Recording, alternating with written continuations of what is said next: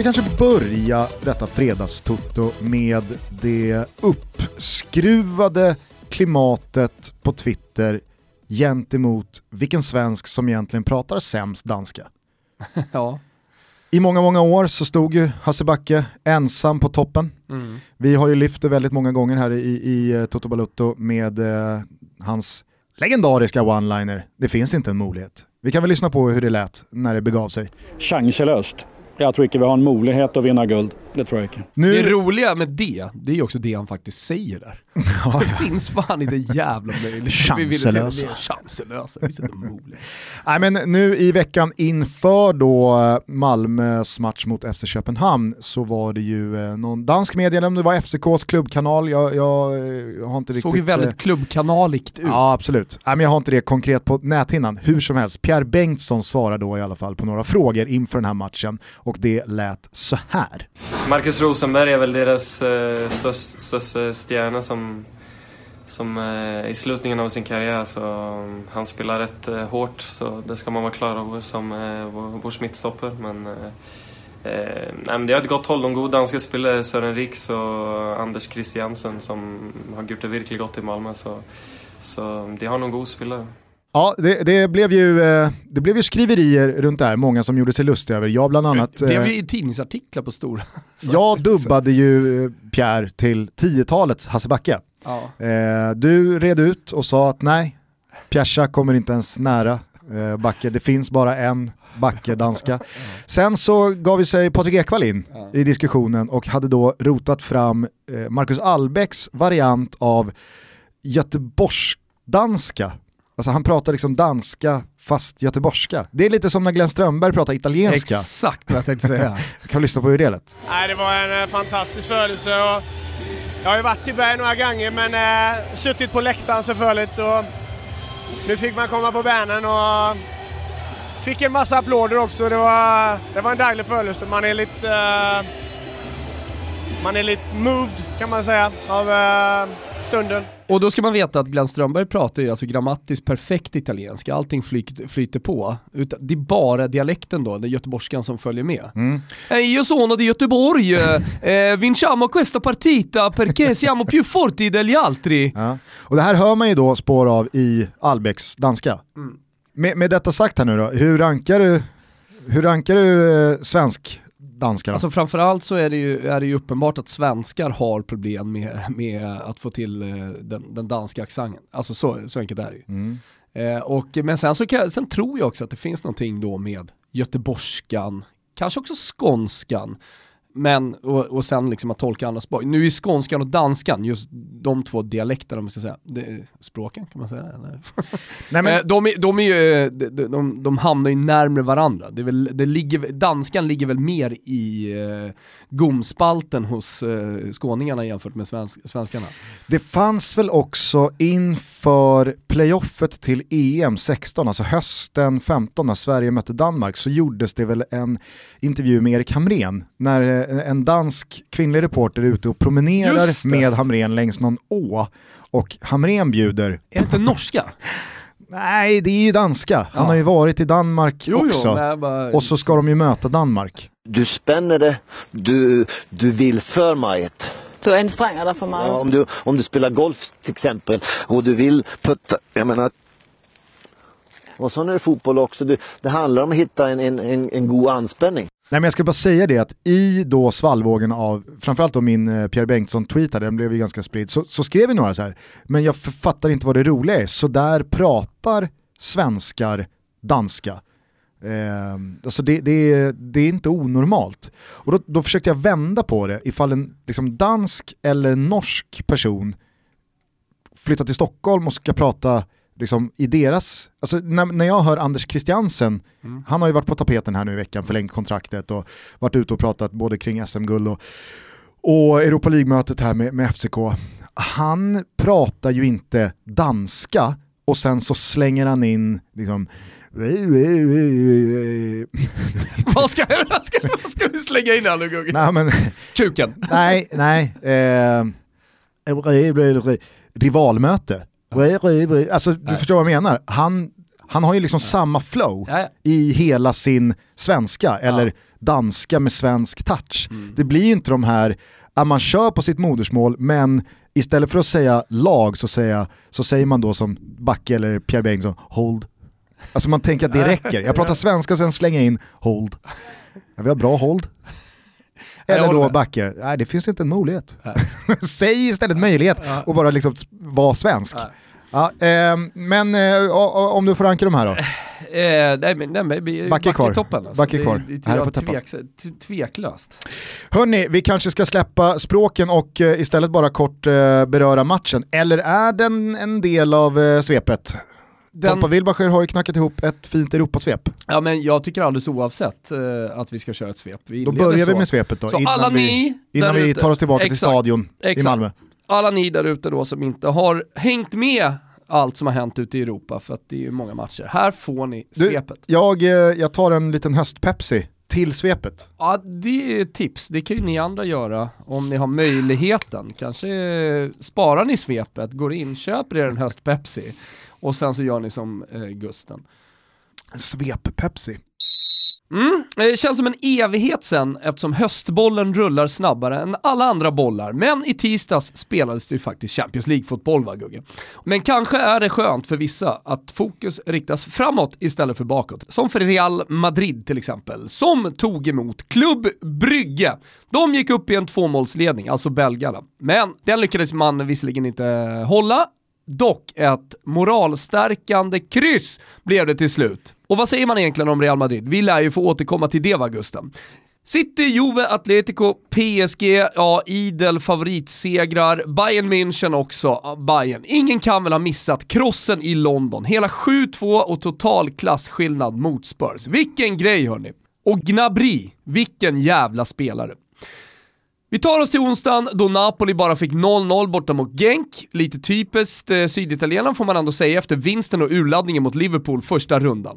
Mm, på tal om engelsmännen, sanslöst match på Anfield mot Salzburg. Det stod 3-0 efter 36 minuter och där och då la man den, den matchen till böckerna. Inte minst med tanke på den defensiva styrka man visat upp över ganska lång tid nu i Liverpool.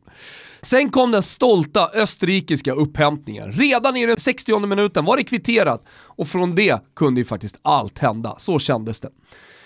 Det blev dock föga förvånande Mohamed Salah som till slut avgjorde. Bjässe-fighten i Katalonien slutade med Barcelona-seger då Luis Suarez framförallt visade vilken otrolig jävla klassspelare han är. Kul också att Lautaro Martinez i Inter, som har ett så älskvärt rivigt spelsätt, presenterade sig ordentligt på världsscenen. Vi noterar i övrigt att det var La Settimana dei Bomber. Vilka ruskiga nummer nior vi har där ute. Suarez redan nämnd, men såg ni Iguains avslut? Lewandowski? Haaland? Ja, Haaland. Han är ju såklart bara en tidsfråga ifrån att skriva på för en Premier League-klubb. Eller ska han rent av ta över för Lewandowski i Bayern München vad det lider? Och på tal om bombers hörni, Rosenstjärten kvitterade på nick igår när Il Derby dei Öresund slutade oavgjort. Magisk stämning på stadion. Då lackade Gugge på tv-sändningen som valde att fokusera på annat än just stämningen. Uppskattas, ska du veta Gusten. Mer sånt, mindre domare. Tack. I övrigt noterar vi från Europa League-rundan att Manchester United inte ens mäktade med ett enda skott på mål i bortamötet mot AZ Alkmaar. Att favoriterna i mångt och mycket vann, ja, läs en jävla resultatbörs för det är ju en sanslös mängd matcher som ska rapporteras eh, och i ärlighetens namn så har ju fina, fina Europa League i mångt och mycket blivit trötta, trötta Europa League. Men det finns också små guldklon. Till exempel fina, fina, stolta österrikiska Wolfsberger från Canton. Tompa har ju varit flera gånger på Schloss Wolfsberg va? Mina förfäders slott Gusten. Sitt ner Roma! Och där Svepepsi! svepte jag då Pepsin. Jag svepte min svep-Pepsi. ja, fina svepepsi. Den är ju liksom eh, tuhövdad. Ja, Det är en Pepsi till svepet, men man ska också hinna svepa Pepsin under svepet. nej, men alltså svep-Pepsi har ju någonting underskattat i sig. Alltså, Svep-Pepsin nej, är för nej, proffs. Nej men ibland, då vill du bara ta en svep-Pepsi, bara hälla i den halv liter Pepsi rätt ner i svalget. Ja. Nej, verkligen. Nej, men jag, jag håller med dig eh, i det här att eh, det går så fort att gå vidare från vissa dagar och matcher. Alltså, Mm. Det var ju Champions League i tisdag och onsdag, men nu fredag så känns det som evigheter sedan. Eh, det var ju eh, dock ett par ruggiga resultat, vissa som du var inne på, stora elefanter bara städade ju av och gjorde sitt, Juventus och PSG. Och, Kollar överlag över hela Europa-veckan så är det ju idel favoritsegrar, sen så finns det några undantag. Nej men precis, och jag tyckte att eh, du, du nämnde den kanske mest eh, solklara att eh, beröra, nämligen Real Madrids då poängtapp återigen. Mm. Man torskade ju med huvudet före mot PSG i premiären och sen så kom man ju undan med blotta förskräckelsen här och tog en pinne mot Club Brygge hemma. Satte sig systemet den där svep-pepsin va. Eh, såg du för övrigt eh, målen som eh, Denise hette han va? Som gjorde båda målen för Club Brygge. Det var ju företagskorpen all Du the väljer att way. säga Denise, du väljer inte att säga hela namnet. Det är långt. Ja, det, dels är det långt och sen så har man det inte. Nej. Eh, nej men han snubblar in två mål. Eh, och sen så har jag, jag har förstått det å ena sidan att Courtois ska då ha blivit magsjuk under första halvlek och spytt i paus och därför byts han ut. Mm. Men å andra sidan så finns det de som säger nej nej, det var ingen spya, han var inte magsjuk. Och där kan jag känna så här, varför skulle han ha blivit Nej, magsjuk men det kom det inte, under matchen? Nej men det kom väl eh, uppgifter om att han hade fått någon panikångestattack också i halvtid. Ja, d- så här, då, Alltså, Ja, då är det illa. Då måste han ju, då måste han ju sjukskrivas. Ja, och, och, och, och då kan jag känna så här, då är det ju så många olika eh, bud om det, vad det är som har hänt. Panikångestattacken känns ju dock mer rimlig att koppla till insatsen. För han byts ju ut, Areola kommer in, gör en jätteräddning när eh, Brygge har möjlighet att stänga matchen. Eh, och nu så känns det som att jag vet inte, i en tid där det diskuteras väldigt mycket målvakter, jag skrev om det, Mar- eh, Marc-André Ter Stegen på Fotbollskanalen här för några veckor sedan, slog fast att jag tycker han är bäst i världen, Eh, jag tycker att man måste släppa eh, en del keeprar, självklart ska Alisson och Ederson och Jan Oblak nämnas där, De men, Gea kanske. ja, men det sker Men han- ju en sån är man ska släppa. Ja, exakt, han, han är ju i den kategorin, absolut. Och Neuer har man väl släppt. Han kanske, han kanske i kategorin har släppt för länge sedan. Inte, inte Hönes, du såg väl hans uttalande Ja. för några veckor sedan? Direkt till Löv, att spelar du inte Neuer Då kan du glömma Bayern München-spelare Då är det embargo. Ja. då är det embargo. Nej men eh, Courtois är ju verkligen en målvakt som jag, jag, jag tycker är unisont. Är det lite som Hassan-spelarna i landslaget? Det kan- ah, det- det kan du väl känna lite Ja, på Gustav? Kan återkomma till det. Eh, det har ju tagits ut en landslagstrupp och sådär. Nej men håll med mig, det finns ju väldigt få kvar på Courtois-barrikaden. Ja, det finns väl ingen. Alltså inte om man talar om den bästa målvakten i världen. Och, men, men det var ju länge sedan han var på den nivån kan jag tycka också. Jo, samtidigt så, liksom så, här, så köper ändå Real Madrid honom, eh, men redan i fjol så var ju hans säsong direkt svag och, och jag tycker att eh, nästan alla Real Madrid-supportrar som hade någonting att säga om det var ju överens om att man sålde fel målvakt när man släppte ja. Keylor Navas till PSG. Fick man ju in Areola som jag tycker är en underskattad målvakt, jag gillar Areola som fan. Mm. Och får väl se nu då vad, vad, vad det egentligen var som låg bakom Courtois exit från den här matchen. Men ah, Thibaut han har det jobbigt. Han har det jobbigt. Han har det riktigt jobbigt. Men sen så var det ju en Champions League-runda som var... Det var ju väldigt mycket den här Bayern München-matchen. Mm. Och vet du vad som har stört mig i, i, i efter, efterspelet av den här? Nej. Det är ju att eh, Tony Pulis, min älskade Tony Pulis, du vet. West Brom, men framförallt då Stoke, många år. Framförallt då massa sköna småvideos på hans jävla minspel och skit. Mm. Mm. Han hade ju Middlesbrough också här nyligen. Mm. Men eh, han har ju då fått eh, massa spott och spä för att han 2015 dissade Serge Gnabry mm. i West Bromwich. Och sånt där blir jag så jävla trött på. När, när liksom en spelare fyra eller fem eller sex år senare blomstrar och gör något skitbra. Ha, Tony Pulis dissade honom i West Brom en gång tidigare. Men han var väl uppenbarligen så jävla kass på den tiden så att han inte fick plats och Exakt. skulle dissas. Sen, det är ju sådär med spelarutveckling, där, där tycker jag också man kan prata om ålders, åldersperspektivet. Eh, att, att alla hela tiden ska vara 19-20 år för att de ska anses vara talanger eller för att man ska gå igång på spelaren så att säga. Mm. Fan, jag, alltså, det han presterar idag, det är det intressanta. Exakt. Det, Plus att han, det är inte så att han är lastgammal, han är liksom 24 bast eller någonting. Sir eller? Alex Ferguson, 23, alltså då, då, ska man ju snarare... Måste du vara bäst i världen när du är 19? Nej, Alla kan inte vara Messi. Man ska väl snarare då rikta den kritiken gentemot Arsenal, som hade honom i organisationen under kontrakt i flera år. Tony Pulis jobbade med en utlånad spelare i ett halvår för att göra resultat. funkade. Om han är kall på träning och liksom så här, nej nu har du fått fyra chanser här. Det går inte, jag kommer spela någon annan. Vad Men- fan ska han hängas för? det- för det att jag han fyra år senare gör hattrick borta mot Arsenal, Ja, eller mot och Tottenham är väl på väg att få något slags här, ja, men, sista konstigt. genombrott i karriären. Jag är fullt medveten om att han har gjort det fantastiskt. Eh, men nu börjar det liksom, det här sista, jag pratade om Laut- Lautaro Mar- Martinez som presenterade sig på en världsscen. Liksom så här, det, det här var ju hans presentation på, på något sätt liksom, och hans befästning av en, av, av en talang som är exceptionell. Den kom nu, Ja. inte tidigare. Nej, och Sir Alex Ferguson har ju fått skit för att han en gång i tiden eh, när de slutscoutade Lewandowski sa nej, det, det, är inte för, det är inte för mig, det är inte för Manchester United. Eh, vad har vi annars för klassiska? Kommer du ihåg Mohamed Kalon? Som gick till, eh, det var både Piacenza och Ja. Venezia, och sen så var han ju i Inter va? Med nummer tre på ryggen. Eh, AIK passade på honom. Ja. Eh, han var i Spånga. Ja. Eh, Vadå, du minns det här personligen eller? Ja, ja, han var i Spånga, Ja. slaktade ju, Ja. för han var så jävla bra. Spelar du med honom eller? Nej, nej, nej, nej, det här var ju... Det här var ju Ja, du var ju, Sent glöm, 90-tal. ibland glömmer jag bort hur jävla ung du är Gusten. Ja, nej, men jag- kan det vara sent 90-tal? Du är så 97, brådmogen som man tänker att du är liksom 40 plus ofta. 96, 97, någonstans där. Mm. Och så liksom, eh, istället för att då ta steget upp till AIK, han var ju där och provtränade, så tackade de nej. Mm. Det finns säkert hur många sådana här eh, exempel som helst, men jag förstår bara inte att så här, att man inte, kan, att man... man- inte kan förstå att Tony Pulis måste ju förhålla sig till mars 2015. Mm. Och i mars 2015 så var antagligen inte Ser- Serge Gnabry bättre. Ja, men, Än att, hur, sorry, hur, hur, långt ska man dra, hur långt ska man dra det? Så Teddy Sheringham satt på bänken en gång i Djurgården, jag vet inte om han gjorde det, men säg att han, att han bänkades i en match då för att han liksom, ja, inte Ja. hade tränat bra eller så. Hur fan kunde man bänka Sheringham i kolla sen liksom? Ja. Peter Crouch var väl i Hässleholm? Fan man glömmer bort Sheringham lite, gör man inte det?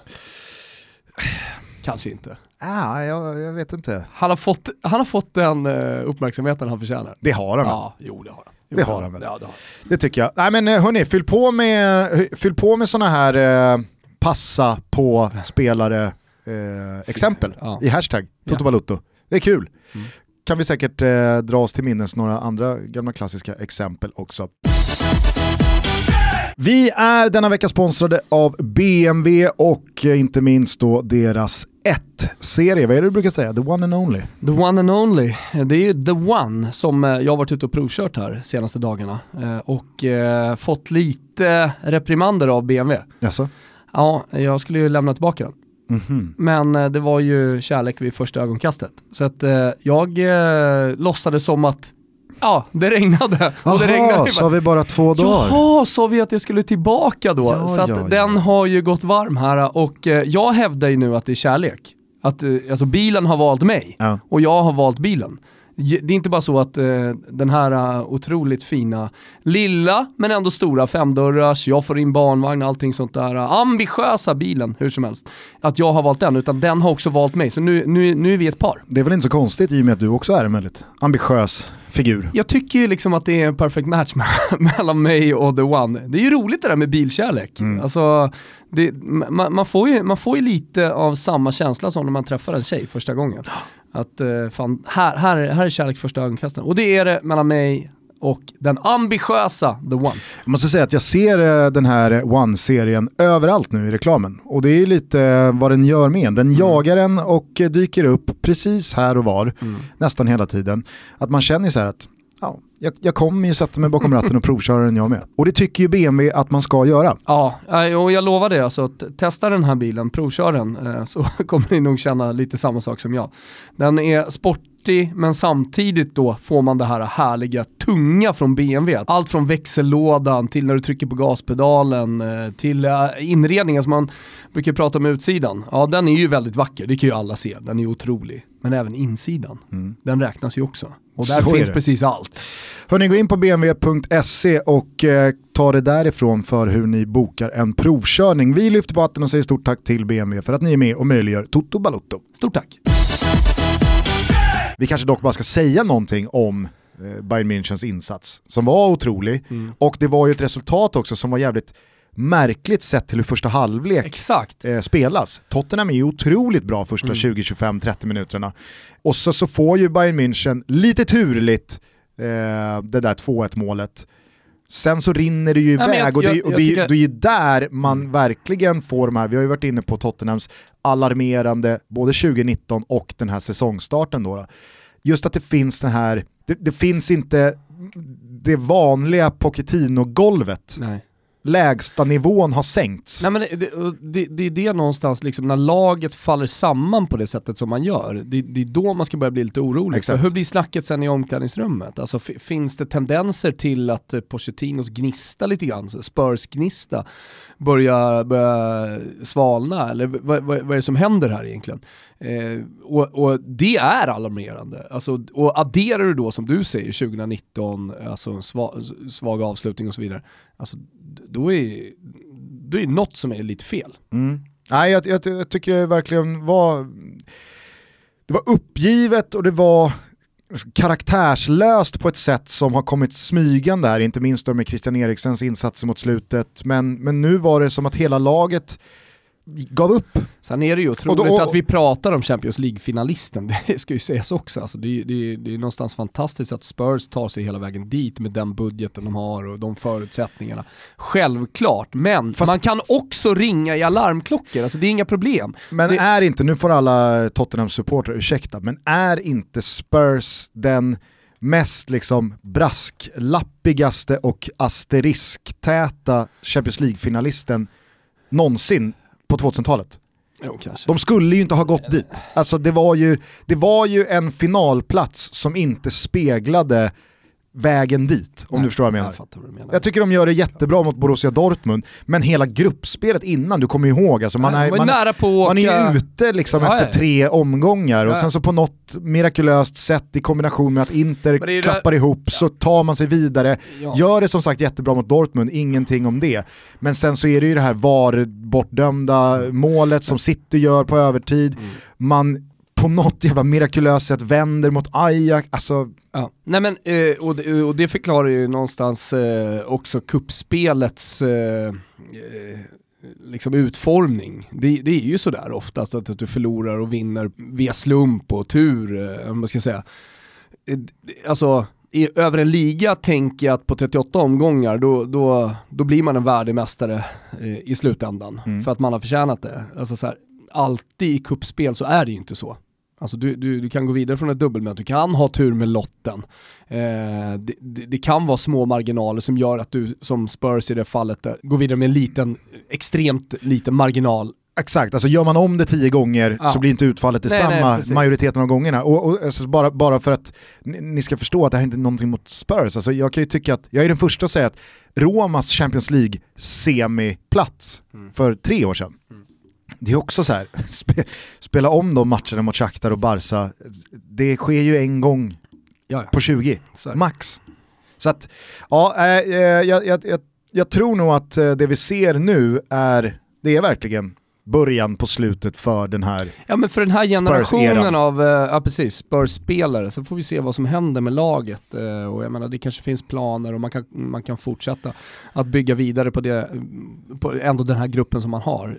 Alltså, nu, nu ska vi inte dödförklara Spurs bara för den här matchen, men, men alarmklockor. Ska, Absolut. ska vi på något sätt beröra den här ryktespridningen om att Fertongen ska ha klivit på Christian Eriksens fru och att Kane då ska ha Så vi gör väl vad Knock- vi vill i den här podcasten. Fertongen Ja. som dök upp med en blåtira eh, ena dagen. Mm. Nej, men det, det, var, det, var, det var ju det eh, snacket som gick i alla fall, sen så blev det ju väldigt... Eh, Vadå, att Fertongen hade spänt på Eriksens fru? Yes, Och, då ska att Kane ha klivit in och på något sätt eh, Stämt i bäcken. stämt i bäcken att så här en, gör rak, man inte. en rak höger över ögat. Ja. För att Fertongen har ju en blåklocka Mm. som inte går att härleda en Låter match. ju eh, onekligen som rykte som inte är sant.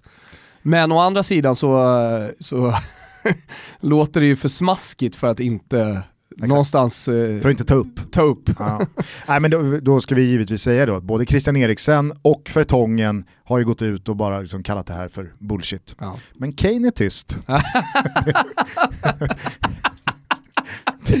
Ja, Det har vi något där då? kanske. Ja. Eh, och, och, eh, alltså, återigen då, hur mycket Tony Pulis eh, än eh, ska försvaras här, så Serge Gnabrys match var ju häftig. Mm. Såg du att han fick en tia i L'Equipe? Japp. Eh, det är kul då för att eh, vår älskade gode vän Fredrik Pavlidis brukar alltid vara bra då att när det sker så, delas, så, så hänvisar ju han till då vilka som har fått Ja, en tia i L'Equipe. Och det är ju faktiskt tråkigt eh, många Ja. som har fått en Till tia skillnad från senaste tian, åren. i- tian i Gazettan som, det var någon som fick sparken för att han gav Cavani eh, tia mot, var det mot AIK han gjorde fyra mål? Det kanske inte var mot AIK. Men Det är fint. kan Du vet så här. Tack, eh, du får börja jobba på den politiska re- redaktionen här på La Gazzetta dello Sport. Ja. Fast vi är ju en sporttidning, vi är inte politik. Jo jo, sida 20 31 brukar vi alltid, eller i alla fall någon gång i veckan skriva någonting om det politiska läget i Jemen. Ja men okej, Ja. eh, där, där, där får du jobba. Något sånt. Ja, nej men eh, Pavlidis eh, drog ju fram här nu när eh, Gnabry fick det att, eh, jag tror att han var den elfte, som, eh, elfte eller tolfte i ordningen som fick Mm. en tia. Och att de typ fyra första tiorna, de var utspridda över 20 år. Ja.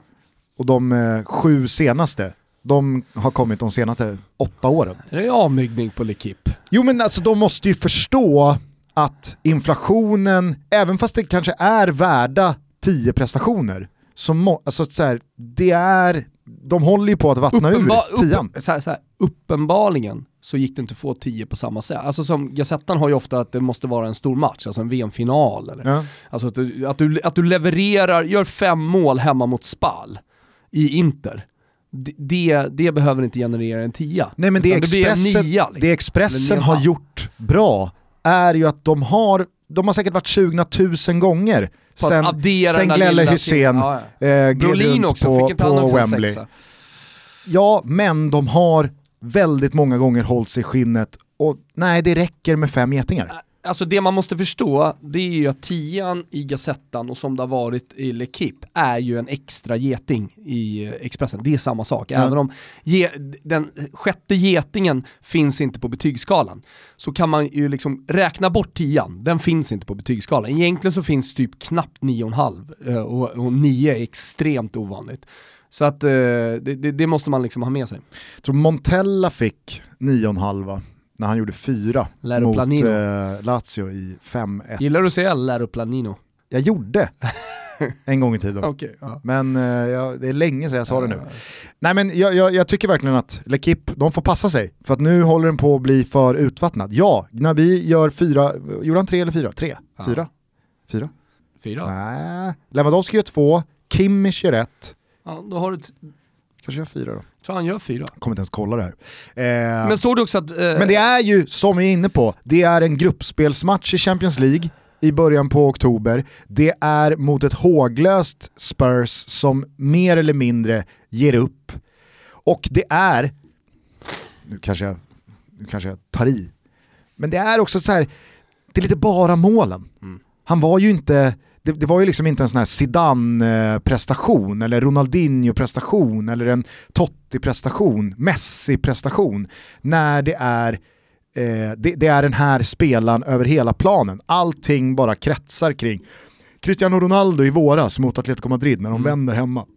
Jävlar vad den där svepepsin satte Ah. sig i systemet. Kämpa. Nej men du förstår vad jag menar, det finns en skillnad på sådana prestationer också. Mm. Man, kan ha gjort, man kan ha gjort hattrick eller fyra eller fem mål, men det är inte den här epicentrum-insatsen. Nej, nej. Såg du också efter matchen när han eh, ska få bollen? Jag tror att det är Kimmich just. Han skickar upp den. Han, har- han har gjort hattrick och som tur är så lever ju traditionen vidare att man tar med sig hattrickbollen hem.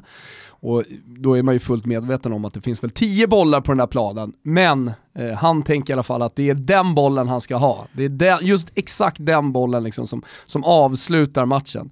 Och så vänder Får väl den också av domaren? Alltså det, det är ju en del av... Kimmich håller i alla fall i bollen. Skickar han bara upp den på läktaren. Är det Kimmich? Det kanske inte är. För att jag, jag tycker inte det liksom rimmar med den bilden av Nej det kanske inte är, har... någon är det i alla fall i Bayern. det står ju i, på sociala medier, men, men skitsamma. Det, det, Nej, det roliga det här- är att han blir, han blir så knäckt också. Det här måste vi nästan kolla för att det, det är nästan ännu starkare är ju när Syle glidtacklar honom bakifrån och kapar honom framför supportrarna. Det var Vilka verkligen... hyllningar han fick. Någon skickar iväg hattrickbollen, den andra kapar honom bakifrån. Det är ju Martinez. Det är Javi Ja, ah, det är Martinez. Javi Martinez såklart. Grisen. Ja, grisen, ja det är klart att det är han. Han har ju aldrig, han, han har aldrig gjort ett hattrick i sin karriär och vet att han aldrig kommer göra Nej. ett hattrick i sin karriär. Då ska bollfan bort! Då kan man skicka bort lagkompisarnas boll när de har gjort hattrick. Det är, fy fan vad uselt gjort. Eh, vad tar du mer med dig från Champions League då? Men jag, jag tar med mig som jag sa, ja, d- den är otrolig. Alltså, och, och det är någonting med Contes lag eh, som, som jag verkligen har tagit med mig från Juventus-tiden via hans sejour i det italienska landslaget, att man alltid gör, må, att, att man alltid gör bra matcher mot de stora lagen. Alltså någonstans där visste man ju om att, att Inter hade i sig en stor prestation oavsett hur det såg ut mot Slavia Prag. Sen så kan man då göra lite sämre matcher eh, mot lite sämre motstånd. Eh, Ja, på, tal om, men- på tal om Spurs där och höja, alltså deras lägsta nivå sjunker, så tycker jag Niva sa det jävligt bra i studion, att det man framförallt, om något, får med Conte, så är det ju en höjning av golvet, Mm. Som Niva uttryckte det. Att du kommer inte se ett Conte-lag klappa igenom Nej. och torska med 3, 4, 5 bollar. Det, det finns inte. Nej, och sen så finns det någonting i kvitteringen mot Slavia Prag där också som jag tycker så osar eh, tyngd i det där laget. Men eh, jag får också en känsla av att det har gått jävligt snabbt för Conte att etablera liksom, sitt tänk på fotboll. Alltså nu har man raka segrar i, i ligan, man har den här prestationen mot eh, Barcelona. Ja visst, du kan hitta Slavia Prag, du kan hitta någon lite sämre ligamatch när allting inte bara flyter på. Men, men överlag så är man ju, har det, har det gått sinnessjukt snabbt att bli ett tungt Inter. Som, som alla lag, alltså, nu har inte Barcelona haft någon säsongsöppning som varit fantastisk. Jag menar, de har, de har torskat mot sämre lag än inte så att säga i, i La Liga. Men det här är en Champions League-kväll. Det här är de kvällarna liksom, som Barcelona-publiken och laget också verkligen väntar på. Eh, jag menar, att torska mot Leganes liksom i, i ligan, det, det, det värderar jag egentligen inte någonstans. Alltså den, det säger ju såklart någonting om Barcelona i den här säsongsupptakten. Men det, det, det är ändå liksom, var, när man ska bedöma dem, det är de stora tunga matcherna. Och, och, ja, jag tycker att det är mycket Inters förtjänst, mycket Contes förtjänst. Och sen så, för att nämna en spelare, Lukaku var ju inte med, men att eh, Lautaro Martinez gör det här målet på Camp Nou. Nu har ju till och med Barcelona, tidigt innan det här ryktats, liksom vara intresserade av, av Lautaro Martinez. Men Eh, det, det, det är något slags genombrott som vi är på väg att se. Han har haft ruskigt svårt i ligan att få in bollarna. Han är sådär som jag beskrev i svep, rivig och ettrig och jobbig att möta. Eh, och har haft dunderchanser, men du vet han har tagit ribba ut och de, de har inte riktigt suttit. Det är ju bara en tidsfråga innan de där bollarna såklart sitter. Eh, f- för han har det stora spelet i sig. Och han är redan med i det argentinska landslaget. Men en härlig spelartyp, en spelartyp som jag saknat lite i världsfotbollen. Jag tycker eh, om eh, båda de här lagen att man bara kort kan säga att det, det är ju till syvende och sist resultaten man vill åt och att Barca efter de här två insatserna står på fyra poäng säger en del om vad Barca är för klubb och vad Dortmund och Inter inte riktigt än är för klubbar. Sett till prestationerna spelmässigt så ska ju Barca stå på max en poäng här. Man ska torska borta mot Dortmund, där är det ju Ter Stegen mot Rubb. Han räddar straff och... Äh, det, det, på tal om att spela om matcher, spelar man om den här matchen så vinner ju Dortmund minst sju. Och i matchen här mot Inter så det är nog det jag tror att, även fast Conte uttryckte sig väldigt kritiskt gentemot domaren så tror jag att Contes stora frustration är ju att man inte gör 2-0. Man har ju flera lägen att faktiskt skaffa sig det där tvåmålsövertaget i första halvlek och då ser jag inte Inter torska den där matchen. Nej.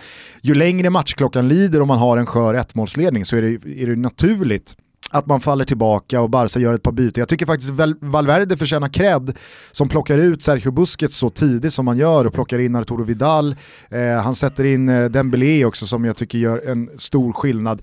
Men det faller ju sig naturligt att det blir den sista halvtimmen Ja. som är när Inter har en, en, en ledning och Barca måste gå för segern.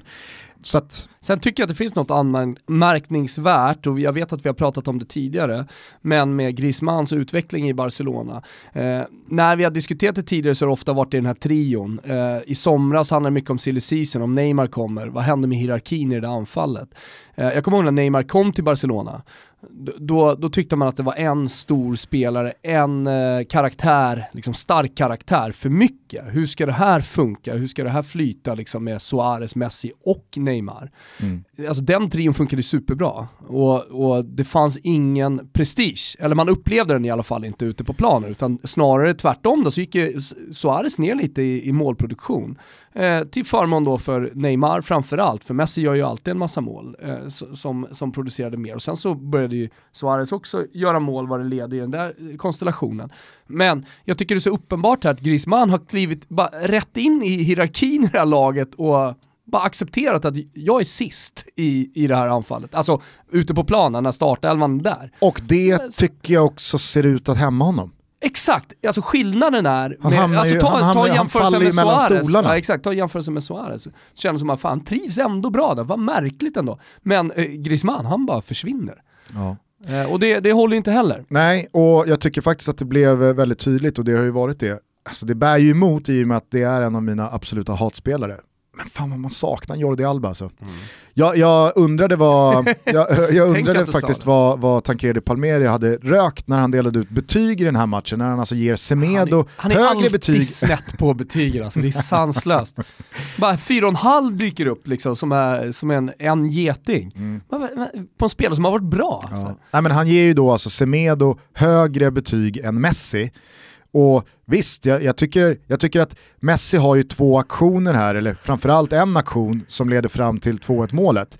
Det, det, är en fantastisk prestation, men sett till över 90 minuter så gör ju inte Messi någon sån här utomjordingsmatch. Så att jag, jag köper att man inte ska strössla med liksom någon 8, 8,5 eller någonting här till, till Messi. Men att Semedo, som jag tycker så här, i hela matchen, det kladdas för mycket, han, han, sätter, han tajmar inte sina löpningar och sina överlapp och han är för dålig när han väl har bollen på att få in den och hitta fötter och hitta rätt gubbe. Och säga vad man vill om Jordi Alba och hur han är, hans uppsyn, hans karaktär, hans, hans vidriga lilla lynne va? Och kynne. Vad är skillnaden på lynne och kynne? Kyn... Kynne, svenska kynnet, det är, ja. ju, det är någonstans vilka, vilka vi är. Exakt, och lynnet det är temperament. Ja. ja. Båda är vidriga på Jordi Alba. Men det är en jävla bra ytterback. Han är ju otrolig på att fylla på, framförallt tajma mm. spelet på tredje spelare när han blir då eh, spelaren som tar emot väggpassen mm. i bakytan. Där är han ju faktiskt eh, otrolig. Och den dimensionen saknar ju verkligen Barca. Jag tycker det, liksom, det, det märks att man blir väldigt eh, avsnoppade med Semedo på ena kanten, Sergio Roberto på andra. Det, mm. det, det, är ganska lätt att hålla koll på dem då. Så att, nej, ett hackigt Barca hackar vidare, tar sina poäng dock och nu är ju Messi tillbaka så det är väl bara en tidsfråga innan de får ordning på det. Ja, men jag skulle bara säga det kring Inter, jag tycker att du, du, du är rätt på det men det som fascinerar mig med Inter är ju att man står på full pott, man kan göra en sån här, in, alltså i ligan, eh, man kan göra en sån här insats mot Barca och ändå så har det varit så här, okej okay, visst, i den direkta inledningen då var det väldigt mycket Stefano Sensi och Lukaku, Brozovic kanske inte riktigt var på plats. Nu har ju han kommit igång. Det är ju en fullständig katastrofal match just mot Slavia Prag. Äh, sämsta, sämsta sätt. Ja. Men nu har Brozovic kommit igång ordentligt och det är väl bara, var det här andra matchen som man spelade med Godin, Skriniar och De Frey. Mm. Alltså det är ju en tyngd där bak som också såklart kommer sätta sig, så ja. defensiven kommer ju bli ännu mer solid och stabil. Mm. Dessutom tycker jag att Conte har roterat på ett imponerande sätt mm. direkt. Alltså det här brukar ju vara ett beteende som kanske kommer i november, mm. oktober, november. Speciellt nu, tänker jag också så här, som ny tränare vill, vill man vara trygg i, i sitt spelsätt då och, och, ha, sin, ha sin elva hyfsat intakt ändå. Men han har varit duktig på det. På mm. mittfältet till exempel så har ju en spelare som man glömt bort lite grann, som Gagliardini, fått ganska mycket speltid. Mm. Gjorde mål också. Så här. Ja, jag, jag, jag tycker att eh, Inter, eh, trots förlusten, fortsatte stärka sin aktie mm. och sända övertygande signaler till alla som eh, tittade på. Eh, Liverpool, Salzburg, Ja, Fan, vi jag, måste lyfta det. på hatten härifrån till Kücükaslan och, och gänget på Viasat som hade gjort det där Austria-Salzburg-reportaget. Mm, det var det? jättebra, jag retweetade det så också. Ja, nej, jag tyckte det var, det var väldigt, väldigt eh, bra. Eh, nu är inte det någon nyhet eh, för speciellt många tror jag, men... Ja, men då, just det reportaget tycker jag adderade någonting Exakt. till som man förstod ja, liksom hur, hur jävla tufft det har varit för supportrarna. Och jag För så här, du kan ju läsa också- en text där de säger såhär, ja det har varit jättetufft för supportrar, Ja. så någon säger, ja men och jag drar åt helvete. Ungefär så har det ju sett ut tidigare när det rapporteras. Så här får man då ver- de verkliga känslorna. Man känner ju verkligen med, eh, alltså det laget, det vi pratar om är ju det andra laget i Salzburg. Alltså det Precis. som försvinner mer eller mindre, den Austria. klubben, Austria, Salzburg. Eh, och de sporterna som nu krigar vidare i fjärde divisionen. Ja, och jag tycker... Österrikiska fjärde divisionen, alltså vi snackar ju, vi snackar ju Rönningesalen fotboll liksom. Ja, och jag tycker att de lyckades väldigt mycket med att förmedla just det eftersom de inte hade så här pissa på Red Bull-vinkel. Utan de fokuserade på Austria och deras känslor. Och, alltså så här, det, det var inte liksom eh, halshuggning av Nej. den moderna fotbollen. Eh, men eh, jag, jag, jag hakade upp mig på en sak som Jürgen Klopp sa efteråt. Som jag, alltså ibland så kan man nog ha tänkt den tanken själv, men jag har aldrig hört en tränare formulera sig så efter en match och han satt, alltså så här, jag vet inte om du kommer då känna samma sak, eller om du kanske rent av såg intervjun med Klopp efteråt. Men då sa han så här, ja, men första 30-35 minuterna så var vi, vi var all over the place, vi kör över dem, vi gör 3-0 och det är liksom en fantastisk insats. Men sen så är det som att vi inte riktigt kan komma överens om bland spelarna ute på plan vad vi nu ska ha för approach till den sista timmen. Och det tyckte jag var ett ganska intressant sätt att se på hur ett lag reagerar på en 3-0-ledning. För då sa han så här, jag stod där på sidlinjen och så såg jag att vissa spelare var så här, men hej, vad fan, nu har vi en toppkväll och det är kul att göra mål och vi gör fyran och vi gör femman och vi gör sexan. Medan andra spelare var liksom så här, vi leder med 3-0, vi har trampat gasen i botten här nu en halvtimme. Nu tar vi det lugnt, nu slår vi vakt om det här. Och vissa gick ner i tempo, alltså så här, och så ble- spred det sig en osäkerhet i laget att vad ska vi göra för match nu? Alltså håll med att det, Ja, det, det, det är sällan och öppet också av en tränare att prata om, match, om, om en match på det sättet. Och jag, jag, alltså så här, ibland så, det är när någon uttrycker sig så som man inser att Liverpool är också ett fotbollslag som Brage det är inte, det är inte bara eller... maskiner, nej, nej men alltså du menar att det, det, är inte, det är inte maskiner ute på plan, Nej. utan det är människor där ute som också kan ha svårt att hantera vissa situationer, som i det här fallet så blev det lite tokigt. Exakt, och det här är tränare och spelare som har miljoner i veckan för att vinna fotbollsmatcher. Och då kan man tänka så här, leder man med 3-0 mot ett lag som typ gör sin eh, andra säsong i Champions League, med, med spelare som inte ens är i närheten av eh, Liverpools vare sig kvalitet eller eh, eh, värdering. Alltså så här, det, det ska inte gå, men att en sån detalj sker även på den yttersta nivån bland toppspelarna i världen. Och, å andra sidan, när man hör det här brandtalet av Salzburgs manager, eh, Jesse Marsh, Vielleicht zwei. Ja? Es ist nicht ein fucking Freundschaftsspiel. Ja? Es ist ein fucking Champions League Spiel. Wir müssen körperlich auf den Platz and get fucking stuck in mit Druck. Diese Aktion, manchmal mit Van Dijk. Ja? Komm Jungs. Zu viel Respekt für die Gegner. Zu viel Respekt für die Gegner. Ja, es ist mit dem Ball, gegen den Ball und mit Fouls. Zu viel Respekt. Ja? They have to feel us, guys. They have to know we're fucking here to compete. Not just that we're stylistically gonna try to play the same way, but we came to fucking play. Will füreinander und jetzt ist es ich gegen ihn oder euch oder egal. It's us against them. som eh, är jänkare va? Han har ju eh, tränat bland annat eh, det amerikanska landslaget. Tog över tror jag efter Backa i eh, New York. Precis, han har ju varit, ja framförallt då i Staterna, eh, gjort två landskamper, han har varit assisterande. Han känns ung i alla fall på den här scenen, men han har varit assistent i Leipzig, alltså förra året. Och sen, som ni vet, hur det funkar mellan Salzburg och eh, Leipzig, det är Red Bull-lag, så fick han då möjligheten eh, inför den här säsongen att träna eh, Salzburgarna. Eh, och det, det är roligt, då, då har han ändå då har han varit ett år i, eh, i Tyskland och nu då i Österrike. Men tyskan sitter inte 100% än. Nej. Det, det är inte ett så här brandtal eh, som man verkligen, man, man tänker, är- kommer gå till historien som en, en av de fetaste. Men det finns någonting i det, ah, det, det amerikanska, tyska fighten, alltihopa som gör att jag, jag, känner, jag känner väldigt mycket för Jesse Marsh. Har du dock samma grundinställning som jag, att man hoppas att det ska gå dåligt för amerikaner? Nej, jag är tvärt, jag, jag gillar ju jänkare. Jo men jag gillar också jänkare så länge det inte har med fotboll att göra. De Ja. har så mycket, de är bra på så mycket, de är bäst på så mycket. Att jag unnar dem inte liksom, Nej, för mig är det där, utveckling där och fascinationen... steg framåt inom Nej, fotbollen. Fascinationen för jänkare och idrott, det har liksom spilt över även på fotbollen. Så, så, när det kommer jänkare till Europa så hoppas jag på att det ska gå bra för dem. Och, och så även för Jesse Marsh. Ja, jag, jag, minst nu jag känner detta. tvärtom, att så här, jag vill att en amerikansk tränare ska få sparken, bli asfalterad av en gammal räv Mm. från Europa som liksom så här, Ja, så här, åk hem, åk hem till USA Claudio och gör lätt, Ranieri exakt. liksom piskar dit eh, någon ung jänkare som ska vara the shit och kommer till Middlesbrough och Ja. så möter de, eh, möter de Chelsea som eh, Ranieri har och sen så bara slaktar de honom och han får då åka hem också och visar sig inte vara the real deal. Nej, men, Men alltså, nej, jag, jag är tvärtom. okej, ja. Min, min, För jänkarna i idrott hela tiden, de har gett mig så mycket. jag säger som eh, eh, Robert De Niro gjorde nyligen här i dagarna. Fuck 'em. I remember the Tonys when he got up there and cursed. A lot of Fuck criticism 'em. of you. Fuck 'em. Okay, well, you know, this is cable. Sorry.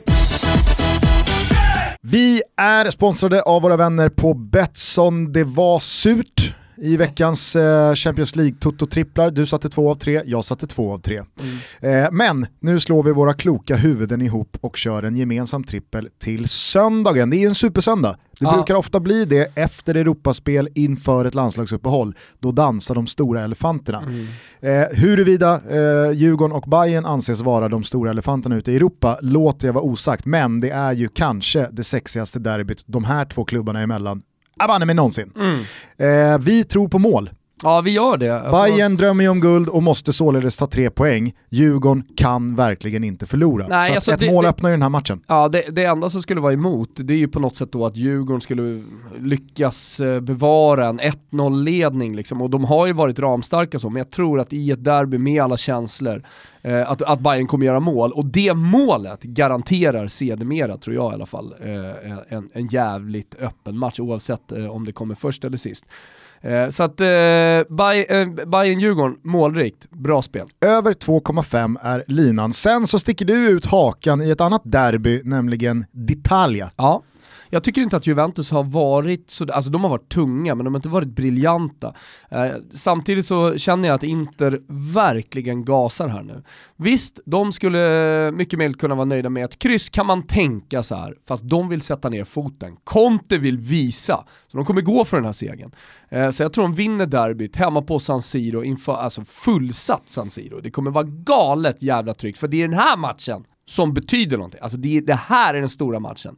Milano-derbyt var mäktigt, det är alltid mäktigt, men här, nu ska man visa att man är tillbaka. Nu ska Inter visa att man inte bara kan ta liksom segrar i, i dussinmatcherna, utan man kan även slå den stora bjässen. Tycker också att de var bra mot Barcelona. Ja, jag tyckte de var mer än bra. Mm. Dessutom så får de ju tillbaka Lukaku här nu. Fit for fight, utvilad och fräsch. Så att, eh, ja, jag, eh, jag hakar på det där, tar Inter-sidan också. Rak seger för svartblått. Avslutningsvis då, Real Sociedad, rak seger hemma mot Getafe.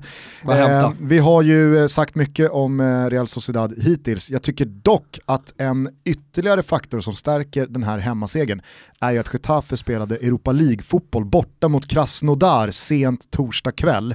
Det är en lång resa hem, det finns en del gubbar på skadelistan. Definitivt. Så att, eh, det här vinner bara La Real. Rak seger. Eh, Den här hittar ni under godbitar och boostade odds på Betsson.com. Ni ryggar som vanligt med 148 kronor i hashtaggen Tototrippen och så skickar vi in en fin t-shirt från vår Bomber Collection från Nakata. Det är jättefint. Så att, eh, alltså glöm inte när ni nu ryggar, för vi vet att det är många som gör det, men alltså glöm inte hashtaggen. Med det sagt då så kanske vi släcker ner den andra omgången av Mm. Champions League. Fokuserar lite på Europa League. Det var ju, som du, vad kallade du det? Derby Day? Eh, Det, det, det är Öresund. Ja. Ja. Eh, Öresundsderbyt. Kakan Frick eh, lanserade ju ett par smeknamn i Discovery-sändning igår. Eh, Battle of the Bridge. Mm. Vad har du? Har du något? Jag tycker Il Derby, eh, är Öresund, är, har ju någonting mycket mer. Eh, jävla mäktig inramning, måste man ju säga. Och det var därför jag blev, alltså så här, det, det, är alltid svårt att kritisera Discovery med tanke på vår historik där och det blir lite så här, ja, ja. ja eh, kan man ta det på allvar? Men det var verkligen så här, när, när, när de stod i studion, de har ju sin eh, plats eh, på, på stadion precis ovanför Malmös kortsida. Och så ser man då hur alla, är, det är fullknökat. Det händer grejer i bakgrunden. Ja, men, Ta bort studion. Det är fullknökat, det är dessutom oktober så det är becksvart himmel, det är elljus, hymnen rullar igång där och alla halsdukar åker upp mot luften. Då känner man så här, släpp, släpp, Släpp här nu. Är, det är inte vår vän, gode vän John Witt som producerar kan den ha sändningen? kan ha varit kan det. faktiskt ha varit det. Håller fan tummarna för det. Ja. Nej, och det bär ju såklart emot. Det bär såklart emot. Ja. Men när de då, liksom så här, inte bara går igenom tabelläget, Karin Frick och Kim Källström, och man känner bara såhär, nej det, det finns inte. Nej. Ska vi titta på tabellen här nu? Efter en omgång dessutom. Exakt. Ja, men det är att det är full screen tabelläge. Ja. Sen presenterar de vilka andra matcher som finns att se via Eurosport Player och via Dplay och så vidare. Då känner man bara så, nu måste vi släppa. Ja, vi vill ha tifon. Nej, då går de ner till Jonas i spelargången. och hans rapport då är, det är knäpptyst här. det är så laddat och så fokuserat. Ja, så man ser då, man ser då, då två, två, två, två led av spelare som bara står tysta och Jonas Dahlqvist förmedlar att det är tyst. Och så hör man hur det bara brummar ute på stadion och man känner bara så, ah vad fan, ge mig bilderna nu så släpper de ner, då tar ju låten slut. det var över. Ja. Eh, men, men ta det som feedback, det, det kan vi skicka som, inte, eller ja, kritik såklart, men, men, ja, nej, men det, alltså, så jag tycker bara, ni, jag tycker bara synd för att man, man ska ju komma ihåg att även fast flera svenska lag kvalar mm. till Europa varje sommar så är ju det matcher som är präglade av en väldigt deppig inramning. Det är mindre folk eh, på läktarna än vad det är i allsvenskan. Ja, speciellt tidigt i kvalet. Exakt, och det är dessutom så här julimatcher så det blir, eh, det blir aldrig den här elektriska höstatmosfären. Och när man då liksom väldigt sällan har ett svenskt lag i ett gruppspel och när det dessutom då är en motståndare som inte är något halvdassigt belgiskt lag eller ett bulgariskt eller ryskt lag som man, här, man har ingen relation till utan det är faktiskt Napoli eller det är eh, i det här fallet då FCK med historiken och, och den eh, väldigt, väldigt eh, uppdämda eh, rivaliteten Malmö och FCK emellan. Alltså så här, då, vill man ju bara liksom, så här, då vill man ju bara vara i den stunden. Ja. Så det var synd. Mycket.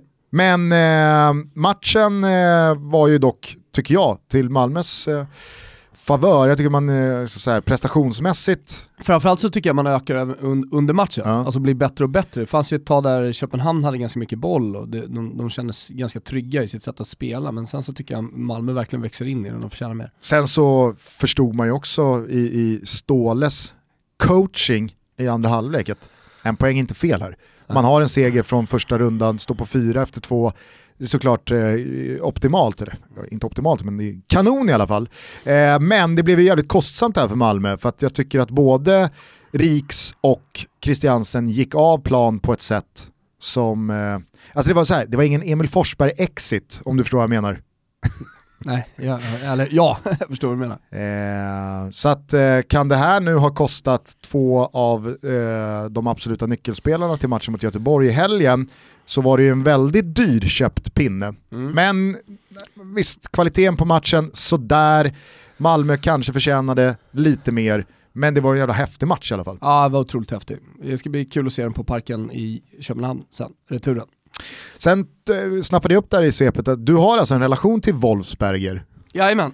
För det ligger jag... i Kanten, vi har varit mycket i Kanten när jag var liten, alltså jag har släktingar där. Och, eh, men det här är väl, det, det är ganska nära Graz, eller är det Graz? Eller? Nej nej, det är, inte, det är inte ganska nära, men mina släktingar bor inte bara i Graz. Det är ju bara pappa kommer från Graz och vårt slott ligger utanför Graz. Alltså, så det, det är ju mina, mina rötter, men numera har ju eh, släktingar liksom lite runt om i Österrike och framförallt så hade min, min faster i, i Obertiliach som ligger uppe i bergen. Och, alltså Kanten ligger nära, vi, vi, har, vi har varit mycket i Kanten helt enkelt. Och eh, den här lilla stan på 25 000 invånare ligger där vid Alpernas fot. Och, eh, ja, men jävla härligt. Framförallt då finns det här slottet från typ 1000-talet. Gammalt, stort, mäktigt jävla slott. Och, och eh, familjen där, alltså de som bodde där var ju också eh, eh väldigt goda vänner med mina eh, förfäder.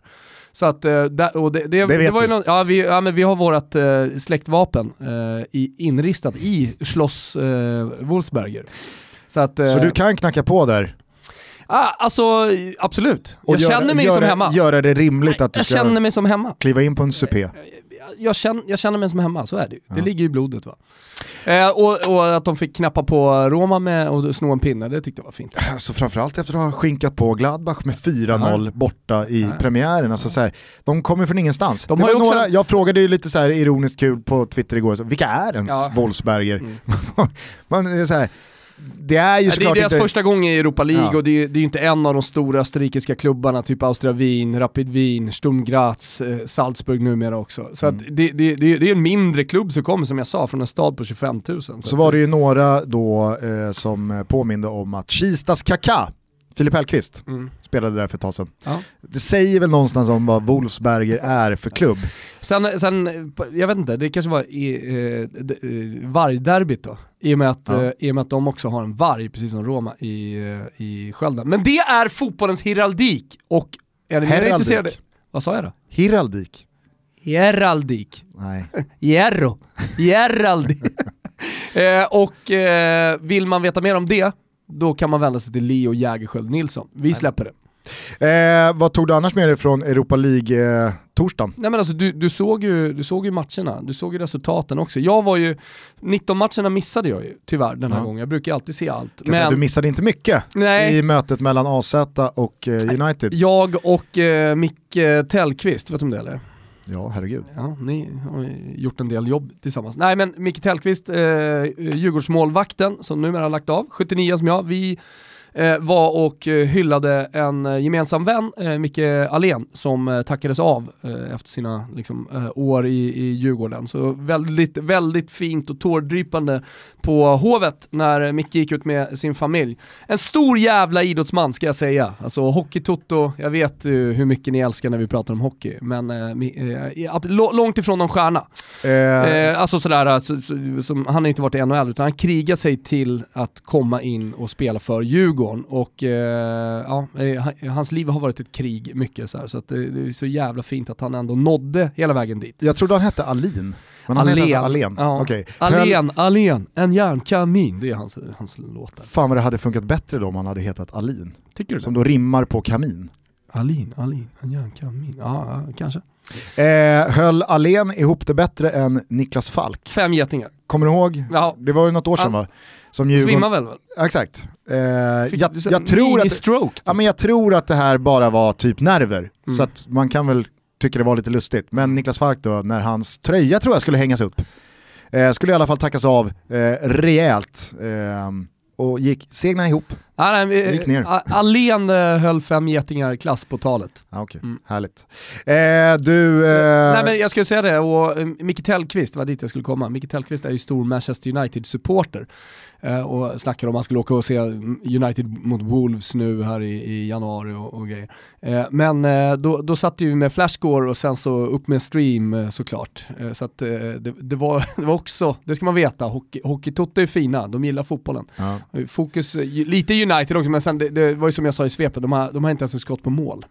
Nej nej, verkligen. Sen så, ja, Ole var ju ute och svingade i alla fall om att de skulle haft en straff. Fick man inte det, inga skott på mål heller så jag, jag Men det inte tycker jag är en bra reaktion, nej fast det tycker jag är en bra reaktion av, av uh, Ole Gunnar, att verkligen gå ut och markera att så fan jag brinner för det här, jag vill ha den här straffen. Jo men han vet Gå ju, nu är, det, nu, är, nu är det ju lånad tid här. Jo, Man men har alltså nio poäng på de sju inledande ligamatcherna och då, då minns vi ju klang och jubelpremiären mot Chelsea, 4-0 och oj oj oj vad, vad det var uppåt, klackarna i taket. Sen dess har man alltså fyra poäng på sex matcher. Det är den sämsta starten någonsin för United i Premier League. Och med det sagt då så vet ju alla att vi pratar tidigt 90-tal.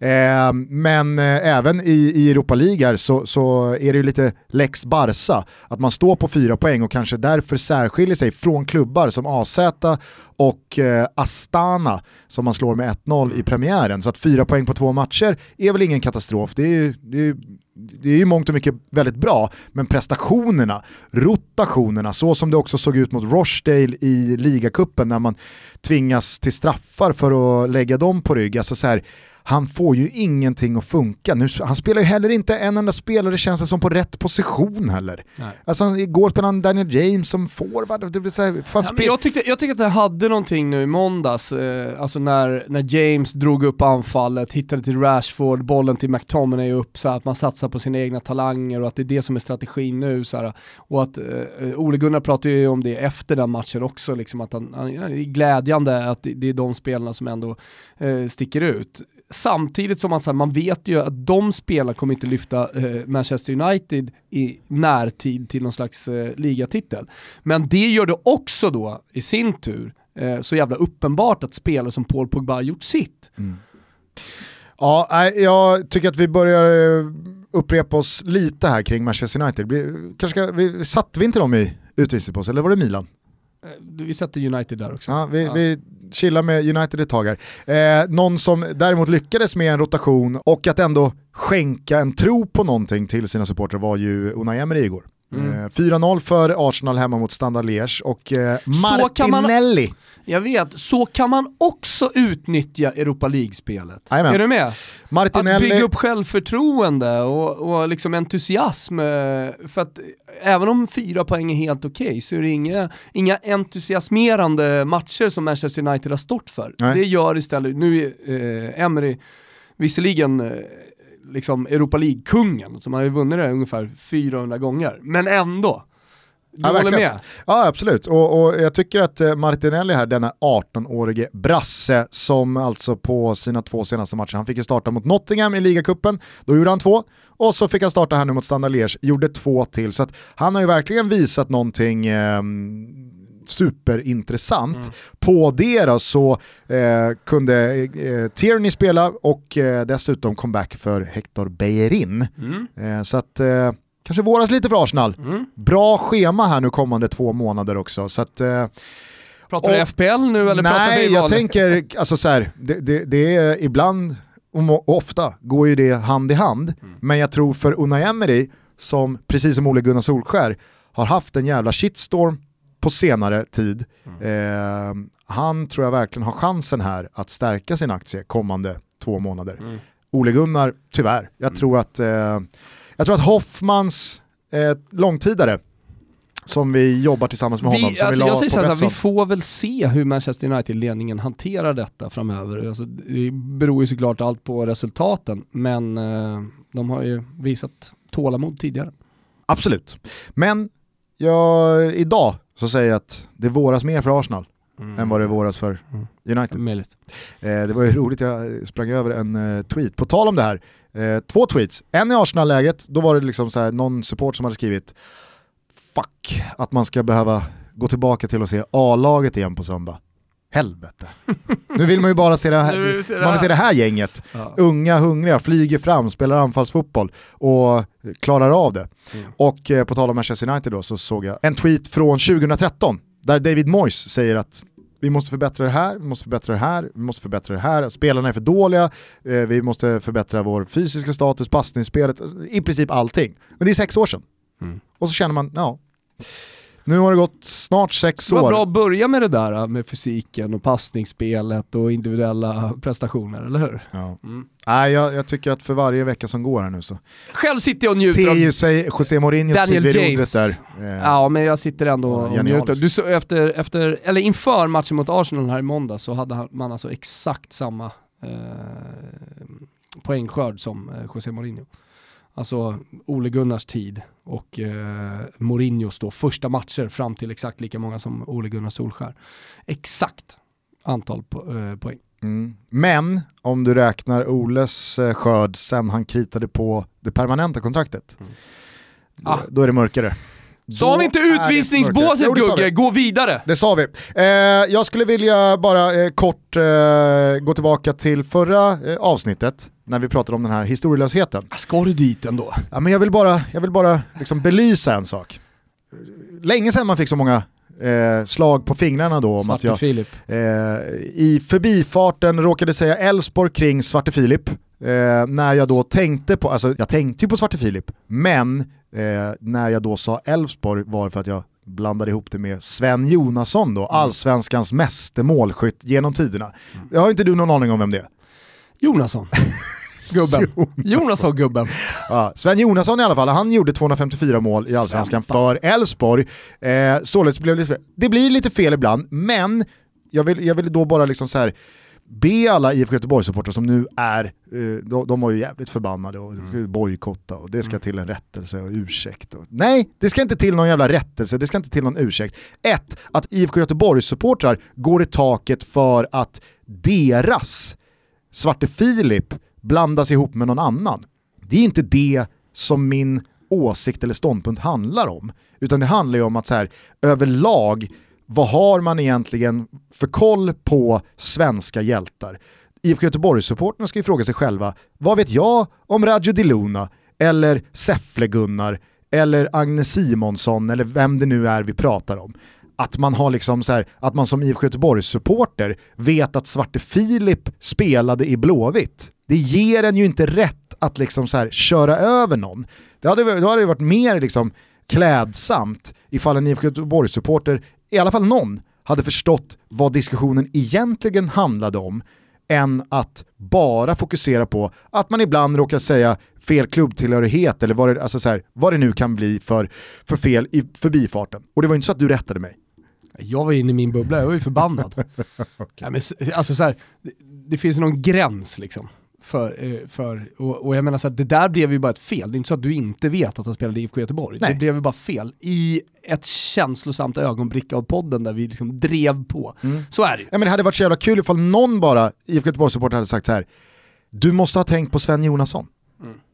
Exakt. Någon har så här, visat att, ah, jag fattar, för du tänkte på Sven Jonasson. Men när man bara har då liksom så här, när, när, när man, ska, ska jag liksom, nej. Nej. Så, utvisningsbåset, vi går vidare, historielösheten, budskapet har gått fram. EM-kval nästa vecka. För Sverige så är det Malta på bortaplan och eh, Spanien på hemmaplan som mm. gäller. Intressant trupp mm. som eh, Jan tog ut här i eh, onsdags. De stora rubrikerna var ju givetvis Gagliolo, eh, som tas ut som vänsterback. Mm. Eh, och det ska man komma ihåg att Ludvig Augustinsson dras med skada, det gör även Martin Olsson. Hade de två varit fit for fight så är jag helt övertygad om att vi inte hade sett någon Gagliolo i truppen. Men nu är han med, den andra svensken då i Parma, eh, Dejan Kulusevski, tas inte ut utan han går till U21. Däremot så kunde man läsa, också via eh, Pavlidis fenomenala headlines i morse, att eh, Makedoniens förbundskapten, eller någon journalist, i Makedonien, Nordmakedonien ska vi säga numera, eh, kunde göra gällande att Makedonien har tjatat på ja. Kulusevski som fan. Ja. Eh, men han är väldigt tydlig, nej jag vill representera Sverige. Två tillfällen Sverige. har man varit på honom och, och, och bett honom. Precis. Han, han ville. Så att, eh, vi löper nog ingen risk att eh, hamna i någon eh, eh Saman Ghoddos, Haksabanovic, vad hette han då, då från, på tal om Elfsborg, Elfsborg som gick till, till Heerenveen, vad fan hette han? Man glömmer ju, man glömmer ju de här gubbarna när de inte väljer Sverige. Ja. Då, vad fan är han heter? Men... Eh... Jag blir tokig. Tokig blir jag. Mm. Nej, jag har inte. Nej. Kommer inte till mig. Nej precis, eh, alltså Gagliolo är ju stort som jag skrev på Twitter också, alltså, eller stort, det får man tycka vad man vill om. Men det är i alla fall historiskt för att han är den första, det man i Italien kallar för Oriondi, alltså spelare som representerar landslaget men som är född och uppvuxen i ett annat land. Eh, och i, i Italiens fall så har det ju varit väldigt många... Seneli. Argenti Seneli. Arber Seneli. Härligt. Tack. Eh, väldigt många eh, argentinare. Eh, vi har haft Thiago Motta på slutet, Brasse, eh, Osvaldo, eh, en annan. Men det, alltså, det här går tillbaka till 50-talet så har alltid funnits då sådana så kallade Oriundi. I Sverige har vi inte haft någon som är Eder. Född... Ja, Eder, precis, en annan. och men, men i Sveriges fall så har vi ingen sån. Vad betyder Oriundi? Alltså det, betyder, ja, det, det, det, är ett ord för det, det är en journalist som, som skrev en gång i tiden. Alltså, okay, men en, finns det några jag beskrev här, precis. Finns det no, jo, jag, jag fattar, men det finns ingen direktöversättning. Finns det någon så här halvrasistisk botten? Nej, för att nu, har ju, nu var det Lotito oh. som var i farten. Fy fan. Uh, det, jag vet inte, ni, ni, kanske inte har sett det, men han, han, och det är på italienska så det vi spelar upp det, men, men det han säger det är i alla fall att uh, ja, spelare med normal hudfärg, alltså, och syftar då till vita spelare, ja. I, i, i, ett sammanhang där han pratar om att det inte är rasism när det buas, och så drar han upp något exempel. Man skriker åt svarta och ja. så skriker man även åt dem med normal hudfärg. Ja, honom placerar vi inte ens i utvisningsbåset, honom placerar vi six feet under. Men, eh, det jag skulle säga att det här är första gången det händer i alla fall i svensk fotbollshistoria, att det, det tas ut den, eh, pratar med Gagliolo här i, i dagarna, lite nervös då för hur det ska gå med svenskan, när det går för fort så hänger han inte riktigt med och, och sådär. Och så började det rada upp då svenska spelare som pratar, som rimligtvis borde prata italienska i alla fall. Fan, det är ju halva landslaget. Mm. Nej men tänk själv. Robin Olsen, Ponne, Albin såklart, mm. eh, Helander, Helander, Kraft. Kraft. Eh, Quaison, Palermo, var ju där ganska länge. Granqvist, Genoa. Granqvists italienska Ja men det är ändå så spelare som jo, har lukta, varit luktar hyfsat in, luk, länge i Italien. Luktar det inte lite Glenn Strömberg över den uh, italienska? Ja, alltså, så här, io italiano ma... Men, men försök uh, köra italienska med skånsk. Ja. Oh, uh, giochiamo contro l'Italia che è una grandissima squadra. Nej, det, det blir lite sådär. Men uh, Albin Ekdal hyllar ju Ponnes italienska här. Så att uh, det, där kan han få lite hjälp ja. i alla fall. Uh, och sen skojar jag lite om, han bytte ju till Hassan Settinkaja för en månad sedan och så nu tar han ut landslaget. Så det är ju roligt med tanke på de ryktena som var förut med Emil Forsberg och uh, John Guidetti, Victor Nilsson Lindelöf, alla Hassan och att det på något sätt ska vara orkes registrerat av honom så var ju liksom ryktena eh, att han tas ut i landslaget. Men han gör det ju såklart för att han förtjänar att tas ut. Gjorde platt matchens mamma mot Torino Mm. Utbytt i paus, då tänkte jag nej nu är det nog fan kört. Wettergren tror jag det var, i alla fall landslaget på plats för att kolla på honom och Kulusevski. Eh, men det räckte i alla fall hela vägen in och jag tycker att han är han så, han så pass bra spelare, varit så stabil över tid i Parma. Var i Carpi innan också i landslaget. En spelare som också har krigat, var ju liksom Sanremo, via C2, gick upp med Carpi hela vägen till Serie A, fick fortsätta spela där. Alltså, Gavettan pratar man om i Italien, gjort den långa marschen hela vägen upp och som nu tas ut i landslaget. Visar att det alltid finns möjligheten, ge aldrig upp. Mm. Lite så. Ja, verkligen. Eh, jag tycker också att de som eh, menar på att Hassan Settinkajas stall tas ut i landslaget för att det blir någon slags alla eller ingen, mm. ska tänka ett varv till i och med att Hassan har Danne. Hej. Och Danne har mig veterligen inte tagits ut i landslaget ja, senaste året. Alltså, vilket det gör är... det här till, till bullshit, för att ja, Danne ja. ska ju såklart vara med ja. i en bruttotrupp ja, ja. till EM nästa sommar. Han är på listan, det vet ni. Oh, ni som har lyssnat på Janne Andersson. Nästa vecka ska man ner till Thessaloniki. Jajamän. Eh, du, eh, på tal om Kulusevski då, det blev ingen A-plats utan han går in i U21, men då känner man sig lugn att här kommer inte stressas fram någon nordmakedonsk uttagning om en månad, utan Nej. Hans finns ju ett EM som hägrar också dessutom, så fortsätt kriga så kommer det säkert bli Men jag tycker verkligen att det fanns plats för honom eh, i den här truppen. Ken Sema är tillbaka efter inte någon speciellt övertygande säsongsinledning. Visst, har fått spela en del i Udinese, men det är ah, inte ja. så att man känner att wow, Ken Sema är på G igen. Eh, när dessutom då Durmas petas, ja men vad fan, är det mm. inte nu man ska ge Kulusevski chansen Nej, också? Det är inte speciellt många samlingar kvar innan det är dags för ett eventuellt EM.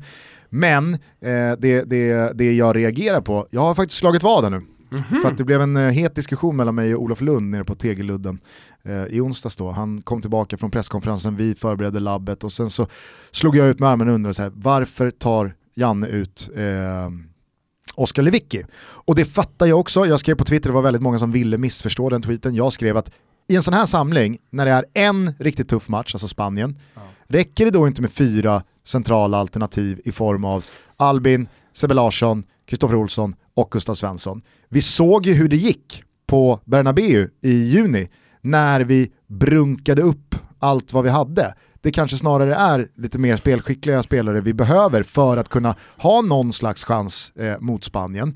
Eh, men om man då vill spela ett lite mer destruktiv, eh, defensivt balanserat mittfält, ja men räcker inte då med fyra gubbar? För andra matchen är mot Malta, där, vi, liksom, där det kommer handla om att föra matchen, det kommer handla om att med individuell eh, kvalitet eh, bryta ner de här spelarna och i en sån match, förhoppningsvis hamnar man i ett läge där man leder med ett par bollar, kanske då kan ge Kulusevski ja, chans. ja, ja, jag köper ditt resonemang och jag, Ja, men jag vill, fattar jag vill också ha att. Lewicki ersätter Jakob Johansson, det är inte Ja. att jag, jag tänker Men det, är Lewicki den, det är konkurrerar liksom en med balans som man alltid Kulusevski. har jobbat med på något sätt, så, som man också känner någon slags trygghet i. Liksom. Att det är så här han jobbar, det är så vi har tagit oss till kvartsfinal i VM. Det blir ju alltid så med Janne också. Ja, men jag står ju på Janne-barrikaden jag vet att du gör det.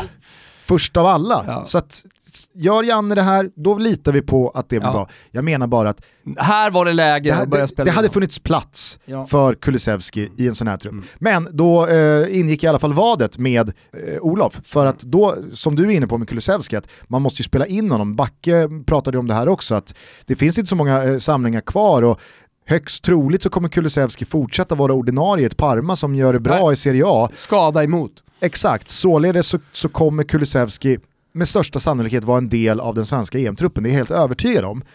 Då är det väl lika bra att ta in honom nu i miljön, att han får komma in, det är inte bara matcherna där man lär sig hur eh, Janne och Wettergren vill att vi ska spela och så vidare. Så att vad fan, ta med honom nu.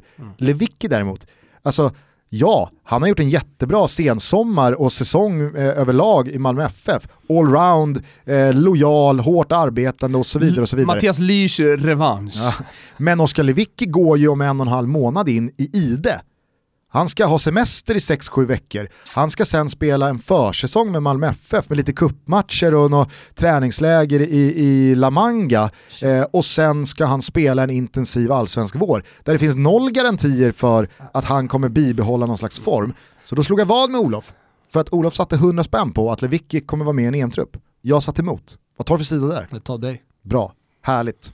Eh, saknade du någon annan? Jag saknar ju Sam Larsson. Jo, Eh, Och han har också- lite det- jäv i det- målet sådär, men vad fan. han har haft en jävla bra säsong. Bra säsongstart. Ja, ja exakt. Eh, Och levererar över tid, visst haft någon skada och sådär emot, men, men eh, han, han, han är ju också någonting annat, alltså det är ju det. Vad är det för typ av spelare? Får in en roll, rollspelare, en mot en spelare som, ja visst, Foppen, men han är ju den perfekta ersättaren också till Foppen. Jag, jag kan inte se någon annan i det svenska landslaget som är en bättre ersättare än Sam Larsson till just Forsberg, om han nu kanske har en sämre match och man behöver få in annan, eh, eller ny energi. Han får väl byta till Hassan. Ja, Sam. ja han kanske får det. Så kommer den där uttagningen Ja. som ett brev på Ja, posten. var snacka med brorsan. Eh, eh, Malta och Spanien som sagt eh, på schemat för Jannes boys nästa vecka. Matcher man såklart ser på Simor. Mm. Först ser man ju Derby d'Italia. Det är Inter Juve som ni hörde tidigare Betsson-snacket. Eh, eh, det ska bli jävligt kul och eh, att det sen då övergår till eh, landslagsuppehållet som kommer bli så avgörande. Alltså dels hur de andra matcherna går i vår grupp, Norge-Rumänien, och dels eh, självklart våran stora match mot Spanien. Mm. Och så eh, vet ni ju såklart att man ser allt från EM-kvalet Mm. via Simons kanaler. Så att eh, det finns ju en rad fina matcher att följa där. Så att, Vill eh, man- teckna upp ett abonnemang. Herregud, djurgården bayern på söndag ser man på Simor. Ja. Den matchen missar man inte. Nej, ruskigt fina söndagen. Och sen ska vi Malmö påminna- Blåvitt. Ja, fan. Söndagen, den är, där, där- där blir det inget annat än fotboll. Simor har man. Basta, säger vi. Ja, så ser vi. Eh, hörni, nu tycker jag att vi stänger ner butiken och tar helg. Ha en trevlig sådan så hörs vi igen nästa vecka. Då blir ju Toto viktigare än någonsin när det är landslags... Det är ju det är ett par dagar då innan Trodde du skulle matchen. säga någonting om eh, gästen du hade bokat till Oscars? Ja, Nej, men vi toppar i laget just nu. Ah, just nu är det en ruskig toppning. Det du löste här nu i veckan, eh, ska vi fortsätta hålla på det här eller? tycker Man blir så jävla, man blir, så- man blir sugen nu när det står klart då att kommer och eh, ska göra, jag misstänker att han ska göra någon slags eh, på scenen. Mm. Jävligt rolig uppställning och det kommer bli en show eh, utöver det vanliga. Det är bara att gå in på Showtick eller via våra sociala medier så hittar ni länkar dit. Eh, biljetterna bör också ta slut, bara så ni vet om det. Eh, jag tycker att vi avslutar eh, veckans avsnitt med eh, lite ny musik från Organismen som uppskattade vår shoutout och spelning av Kom hit för någon månad, en och en halv sen. Så att han var faktiskt så pass snäll att han för några dagar sedan skrev till mig på Twitter och skickade sitt nya album som släpptes igår. Vadå, i form av en CD-skiva? nej, en länk. Jag tänkte fan vad maxat om det fortfarande finns någonstans i någon sån premiumgrej. Eh, jag har lyssnat igenom den här nya plattan, jag tycker den är asfet. Eh, Ta favoriten då. Dö för mig, Oh, jag dör för dig Gugge. Jag tar fan en kula för dig Gugge. fint. Ciao Tutti. Vet inte om jag kan säga detsamma. Gillar livet för mycket. Ciao tutti. Ciao tutti! Vad håller du på med Ågren? Hur många gånger har du inte viskat ömt att du typ skulle dö för mig? Skulle dö för mig, skulle dö för mig, skulle dö för mig. Jag kan inte få in det i mitt huvud när du säger att du är över mig. Kunde varit vi, kunde varit vi, bara du och jag. I samma ögonblick som du lämnar fattar jag hur mycket jag behöver dig. Jag behöver dig, jag behöver dig, jag behöver dig. Även fast du behandlar mig som luft hoppas jag allting löser sig. Ja, det löser sig, ja det löser sig. Det säger bara poff! Hur många gånger har du inte viskat ömt att du typ skulle dö för mig? Dö för mig, dö för mig, dö för mig. Dö för mig, dö för mig, dö för mig, dö för mig. Dö för mig, dö för mig, dö för mig, dö för mig. Dö för mig, dö för mig, dö för mig. Kan inte tro det är sant. Det var typ allt jag fick sagt. Minns nästan inget av kvällen. Jag minns bara att det var natt. Du stoppar huvudet i sanden. Ja, ja, ja, ja, jag förstår. Hade målat himlen med dina tårar om jag fått lov. Vi kunde stirra på stjärnor i flera timmar i sträck. Så många som vi sett falla finns det typ ingen som sett